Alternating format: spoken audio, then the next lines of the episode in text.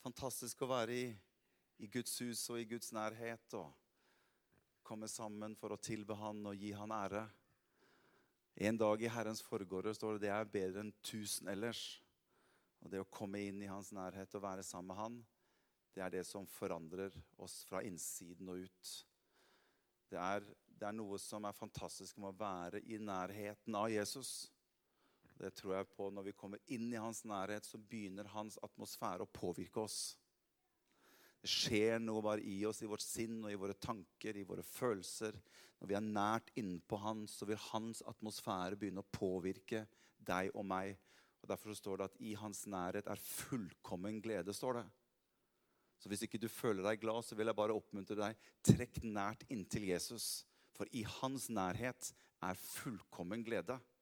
Det er, derfor, det er derfor Paulus sier at når jeg er svak, så er jeg sterk. Det er derfor han sier at gleden i Herren er min styrke. Så når jeg føler meg svak, når jeg ikke føler meg glad, så kan jeg få lov til å trekke nærmere Jesus. Og hans atmosfære begynner å påvirke og smitte av på meg i mitt sinn, i mine tanker og mine følelser. Derfor så står det at en dag i Herrens hus er bedre enn tusen ellers. Det å være nært inntil Jesus, det å være tett på han, søke inn i hans nærhet, er fantastisk. For det påvirker, og det smitter, og det gjør noe med deg og meg som menneske. Amen. Og så er det snart sommerferie òg, og det også er jo litt fantastisk, da. Så er det noen her som gleder seg til sommerferie. Ja, det er noen, ja. Gud velsigne dere, for det gjør jeg også. Det skal bli godt å få, eh, få eh, noen dager hvor vi kan få, bare få, få slappe av og, og roe det hele litt ned. Det er noen ganger litt sånn jeg skal være ærlig med dere, det er noen ganger litt sånn at det å skulle på en måte vite at du skal på en neste søndag, det henger litt sånn så når jeg går ned av scenen på en søndag, så liksom, å, hva skal jeg dele neste søndag? Og så er det det som liksom henger, ligger liksom i underbevisstheten gjennom hele uka. Og du kjenner liksom at OK, nå, søndagen den kommer, om du vil eller ikke. Den kommer nærmere og nærmere. Og det å kunne gå inn i en sommerferie vet jeg at Neste søndag så trenger jeg ikke å ha noe klart. Liksom, selv, om, selv, om, jeg elsker å dele og elsker å preke med bare det der, og liksom vite at jeg trenger å produsere noe for neste søndag. Det er jo fantastisk. Så det blir, ålreit å bare ha en liten sånn, eh, en liten sånn tid eh, hvor vi kan få lov til å slappe av. Og så er vi her i dag for å være med oss og sende denne gjengen med ungdommer som skal til Bulgaria. Det er mellom 50 og 60 stykker som reiser til Bulgaria på onsdag kveld. Natt, kanskje. Eh, jeg tror flyet det, Flyet lander i Hvilken by er det det lander i? Burgas. Når er det lander i Burgas? Veldig sent. Og så er det kjøre fra Burgas til Nova Zagora, og det tar en par timer sånn cirka. Så de er i, de er, eh, det kommer en svært busslass inn i Nova Zagora midt på natta med 50-60 eh, ungdommer fra Norge. Det, det, er bra. Det er veldig, veldig bra. Og eh, det som er, det er at byen gleder seg jo til at dere skal komme. Folket der nede vet jo at nå, er, nå, nå kommer denne gjengen fra Norge. og, og, og de kommer ned dit, og dere skal få lov til å være med og være til velsignelse for byen. Og det er fantastisk at vi som kirke kan få lov til Og jeg tenkte på, det er jo, det er jo bare et under at denne turen har blitt så populær som den har blitt. Vet du at her, På denne turen her så er det sånn, nesten sånn førstemann til mølla-prinsippet. altså. Vi åpner opp. Det er sånn Birkebeinerløpet. Vi åpner opp for å bli med på tur, og så er det de første sånn 50 som får blitt med. Og da er det bare sånn Og hør, denne turen kommer bare til å vokse. Så Arne, om en liten stund så er det 100 ungdommer som, som, som skal være med til Bulgaria. Oi, oi, oi. Og du blir alene som leder for hele den gjengen. Det skal stor nåde fra Herren i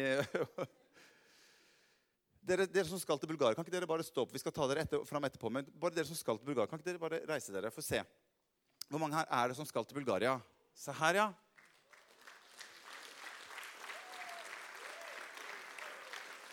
Fantastisk.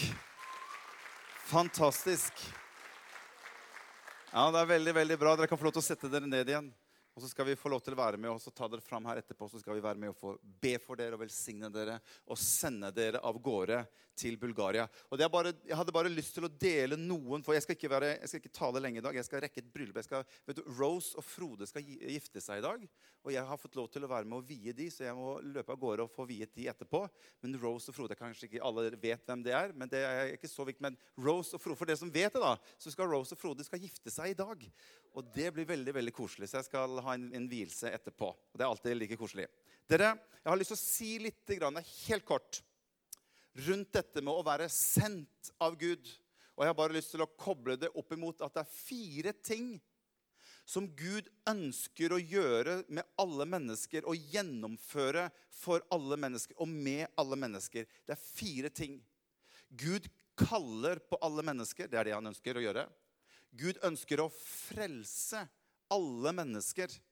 Gud ønsker å utruste alle mennesker, og Gud ønsker å sende alle mennesker. Og Det er bare de fire tingene der jeg bare helt kort lyst til å dele litt med dere. Litt ut ifra at vi står i dag, og vi skal sende hele denne gjengen til Bulgaria. Det er noe som ligger Gud veldig på hjertet. Det å sende ut mennesker som kan representere og som kan være ambassadører for han. Og Jeg har bare lyst til å ta utgangspunktet i Matteus kapittel 4 og vers 18. Der står det da Jesus vandret langs Galileasjøen, så han to brødre. Simon, som ble kalt Peter, og hans bror Andreas. De holdt på å kaste en fiskenot i sjøen. De var nemlig fiskere. Hvis ikke noen som skjønner hva fiskenot er for noe, så skal de kaste fiskenoten i sjøen. Mister den, ja. Det er de som ikke kan fiske, da, som sier sånt nå, som tenker sånn. Jeg tenkte det med samme liksom nå. Kaste den i sjøen, mister den jo. Jo vant med at ting synker når du kaster den i sjøen. Men det er for å få fisk at de kaster dette i sjøen. Det er noen unge her som aldri har vært borti en fiskenot, så vi må bare forklare litt at det er sånn de bruker for å fiske fisk opp igjen. Du, jeg, du, vi var hos eh, min, min eh, nevø, eh, broren til Anette, og da viste de gutta våre en LP-plate. Den hadde de aldri sett før. Det er ikke liksom, Å vite hva fiskenote er, det, er ikke, det sier seg ikke sjøl. De hadde ikke sett en LP-plate før i sitt liv. Og, du, og de var så fascinert. Du, pappa, du kan faktisk snu den, og så kan du spille på andre sida. Så Det var en sånn De var nemlig fiskere. Og så sier Jesus til dem, 'Følg meg, og jeg skal gjøre dere til menneskefiskere.' Da forlot de straks garnene sine og fulgte Jesus. Det er bare et par punkter i den teksten som jeg hadde bare lyst til å dele helt kort med dere.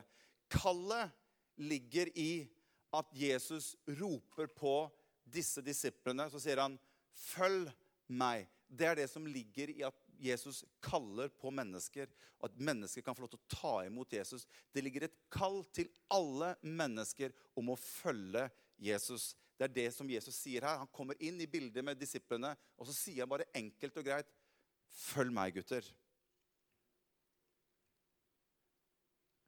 Jeg har skrevet her at kallet, når Gud kaller mennesker, når Gud kaller deg og meg, så er det kallet som åpner opp for muligheter.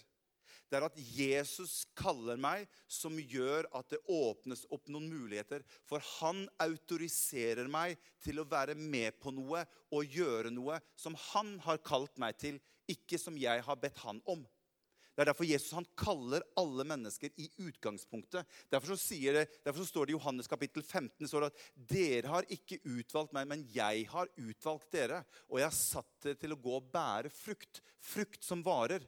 Når du er kalt av noen, så ligger ansvaret på de som har kalt deg, og ikke på deg selv.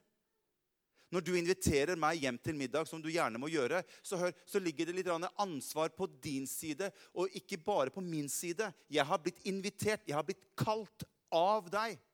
Hvis jeg bare møter opp hjemme hos deg, som jeg også kanskje kan gjøre, og bare banker på døra og så sier 'Hei, her er jeg. Er det noe middag?' eller si, 'Prater vi lunsj?' eller et eller annet sånt noe, så er det ikke så mye ansvar på din side, for jeg har bare dukket opp uten at du hadde egentlig ønsket å ha meg på, på døra. Men når Jesus kaller på mennesker, så er det kallet til deg og meg som åpner opp en mulighet inn i det som han ønsker at du og jeg skal gjøre for han. Det er kallet som autoriserer meg til å gjøre det han som har kalt meg til, å gjøre. Derfor er kallet så utrolig viktig. Følg meg, sier Jesus. Og så er det punkt nummer to at Gud ønsker å frelse. Og der står det da forlot de straks garnene sine. Ser du det? De la ned det som var et bilde på selve livet deres. Det at de fisket, det at de hadde disse fiskegarnene Når de var oppe på land, så preparerte de fiskegarnene for å bruke de på nytt igjen dagen etterpå. Og når Jesus kommer inn, og de opplever at Gud kaller på livet deres, så står det at Og straks så la de ned fiskegarnene sine, og de fulgte Jesus, står det. Og det er det som skjer når du og jeg blir frelst, når du og jeg tar imot Jesus. Så er det at jeg, jeg legger på en måte bort litt, ikke bare litt, men jeg legger bort mitt liv for å følge Jesus. Og Det er det som jeg synes er så fint bilde på her. Straks forlot de garnene sine og fulgte Jesus. Jeg tror noen ganger at vi lever i en slags form for sånn mellomting av at vi sliter noen ganger med å legge garnene våre ned. For vi kan ofte ha en tendens til at vi ønsker på en måte, ja, jeg kan ikke legge ned alt her, Herre, men jeg kan, jeg kan kanskje ta med meg litt av garnet, og så kan jeg godt følge deg, Jesus. Men jeg, jeg har litt av livet mitt med meg selv om jeg ønsker å følge deg. Og hør, det er ikke unormalt. Det er ikke sånn at du og jeg 100% greier å være 100 hva skal si, eh, dedikert, 100% gitt livet vårt til Jesus. Hvis du leser om Peter og du følger Peter, han som, som, som, Jesus kaller her, så står det flere ganger at han gikk tilbake til garnene sine og plukket de opp igjen. Så Peter, når han ble usikker, hva skjer, hva kommer til å skje framover nå, så står det at Peter han gikk tilbake til garnene sine. Det som han egentlig hadde lagt ned. Det gikk han tilbake til og tok det opp igjen. slik at det som ble usikkert, gjorde at Peter gikk tilbake til kanskje det han følte var sikkert for hans i hans eget liv. Og han plukker opp igjen garnene sine. Men det kommer til et visst punkt hvor du ser i Bibelen det står at deretter gikk Peter aldri tilbake til garnene sine. Så Peter han vokste inn i dette med å gi livet sitt 100% over til Jesus. Det som jeg syns er så interessant, det er at Jesus ba Peter om å følge han. Ser du hva teksten sier etterpå? Så sier han, Jesus sier, 'Følg meg'. Og så kan du prøve å gjøre det beste ut av det. Peter, er det det, han, er det, det det står? Det står, 'Følg meg, så skal jeg gjøre deg til'. Aha. Så Jesus sier egentlig til Peter at ditt, eh, din oppgave, Peter, er å følge meg. Det du må passe på, Peter, er at du følger tett på meg. Vær nær inntil meg, Peter. Følg meg. Og når du gjør det, så vil jeg gjøre deg til. Noen ganger tror jeg vi prøver å følge Jesus veldig i egen kraft. At jeg må prøve å få det til. Men Jesus han, ikke, han stiller ikke noe krav til Peter i det hele tatt. Så Peter kunne sagt, ja, 'Hva skal jeg gjøre for noe?' Hva, hva, går dette her ut på? Jeg må ha skriften på veggen. Jeg må vite hva du har kalt meg til. Jeg må vite hva det er du ønsker. Jesus sa bare én ting til Peter. Han sier, 'Følg meg, Peter.' Lev nært innpå meg. Vær sammen med meg. Og ut ifra det, Peter, ut ifra det fellesskapet som du og jeg har sammen, så kommer mitt liv til å begynne å påvirke ditt liv. Og det kommer til å gjøre at du kommer til å bli det jeg ønsker at du skal bli, ut ifra fellesskapet med meg. Og jeg vil gjøre deg til en menneskefisker. Følg Jesus. Lev tett innpå han. Søk han. Les Guds ord. Vær i hans nærhet. Vær tett innpå han. Og det er det livet som påvirker deg og meg til å bli det han har kalt deg og meg til. Noen ganger tror jeg vi er altfor opptatt av, og vi får en avstand mellom i det hele tatt å følge Jesus og gjøre noe som helst. For vi går og venter på en eller annen sånn skrift som skal komme på veggen, og vi kan nesten ikke gjøre noe eller bli med på noe. Fordi vi, vi, vi, vi, liksom, er så usikre. Ja, hva skal jeg gjøre for deg, Gud? Man har ikke bedt deg om noe annet enn å følge Han. Følg meg, Peter. Jeg syns det er fantastisk. Her ligger frelsen. Unnskyld, her ligger utrustningen. Det som er punkt nummer tre. Gud ønsker å utruste mennesker til tjeneste. Og løsningen er å følge Han. Så Jesus han tilbringer tre år sammen med disiplene sine. Og disiplene lever tett innpå Jesus hver eneste dag. De prater sammen, de spiser sammen, de ler sammen, de gråter sammen. Og de er tett innpå livet til Jesus hver eneste dag. Hva er det som skjer? Jo, livet til Jesus påvirker. Og det står også at han underviser disiplene sine om Guds rike. Hvordan disse tingene henger sammen, og hva de kan gjøre for hans skyld. Han underviste disiplene. Det måtte være fantastisk moro å være sammen med Jesus. Oi, oi, oi, oi. Alt kunne skje når du var sammen med Jesus. Uansett hvor de var hen, så var det sånn tegn og under mirakler. Det var sånn, sånn fyrverkeri rundt Jesus. Det står, det står, at store folkeskarer kom til Jesus der han var. Og de brakte med seg lamme og halte og krøplinger fra hele områdene rundt omkring. De brakte alle disse her til Jesus. Og vet du hva det står for noe? Og Jesus han helbredet dem alle sammen, står det. Tenk deg for en fantastisk dimensjon å være som disippel. Jeg, jeg, kan godt tenke meg at Peter han kunne bli litt høy oppi alt dette her. Uh, nå er det sånn at Han valgte seg ut noen, da. Og uh, vi er jo Det er noen få av oss her da, som er liksom i elitegruppa her. Og jeg, Peter, er jo en av kanskje topp tre her. Så uh, dette er bare helt utrolig rått. Så, så han, eh, og til og med For en stund tilbake så sa han til meg at uh, Peter, at uh, på deg så, så, skal jeg bygge kirken min. Og, og, Jeg har alltid visst at det har vært noe spesielt med meg, men altså, nå skjønner jeg jo egentlig hva som er i liksom, så, og Han sier at å, jeg skal gi deg himmelrikets nøkler. Jeg skal visst få noen nøkler av Jesus. Og dette, dette, dette, kommer til å bli bare utrolig bra. Altså. Og, og, det jeg binder og det jeg løser og alt sånt, det, er, det blir bare fyrverkeri på fyrverkeri. Peter kunne kanskje bli litt høy på seg selv. Så Peter hadde en vei å gå i sitt eget liv for å komme dit hvor Jesus hadde ønsket å få Peter. Men de lærte masse av å være sammen med Jesus. Han utrustet dem til tjeneste. Halleluja. Noen ganger så tror jeg kanskje at mange kristne forblir i punkt nummer tre. At vi forblir litt i dette med å bli utrustet. Og jeg kjenner på min egen del også at jeg trives veldig godt i den sfæren av å bli utrustet av Gud. Få mer kraft av Gud, lære han mer å kjenne.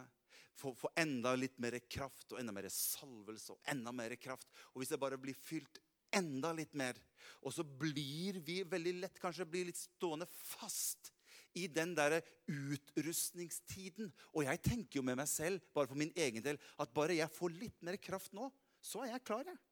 Da, da, da, tar jeg hvilken som helst oppgave. Bare gi meg litt mer tid nå, så er jeg på. Litt mer salvelse, så er jeg på. Og vi kan få bli i den karusellen i årevis. Men Jesus hadde en plan med å være sammen med disiplene sine. Det var ikke bare å utruste dem. Hans ønske til slutt var å sende dem. Det er der hele evangeliet kommer inn i bildet. Og Derfor så står det i Markus kapittel 6 og vers 7 når disiplene hadde begynt å være litt sammen med Jesus, så kommer Jesus til et punkt hvor han tenker at nå må gutta ut. Altså, ikke gutta mine, de er ute. Men altså gutta, altså disiplene, nå må de ut.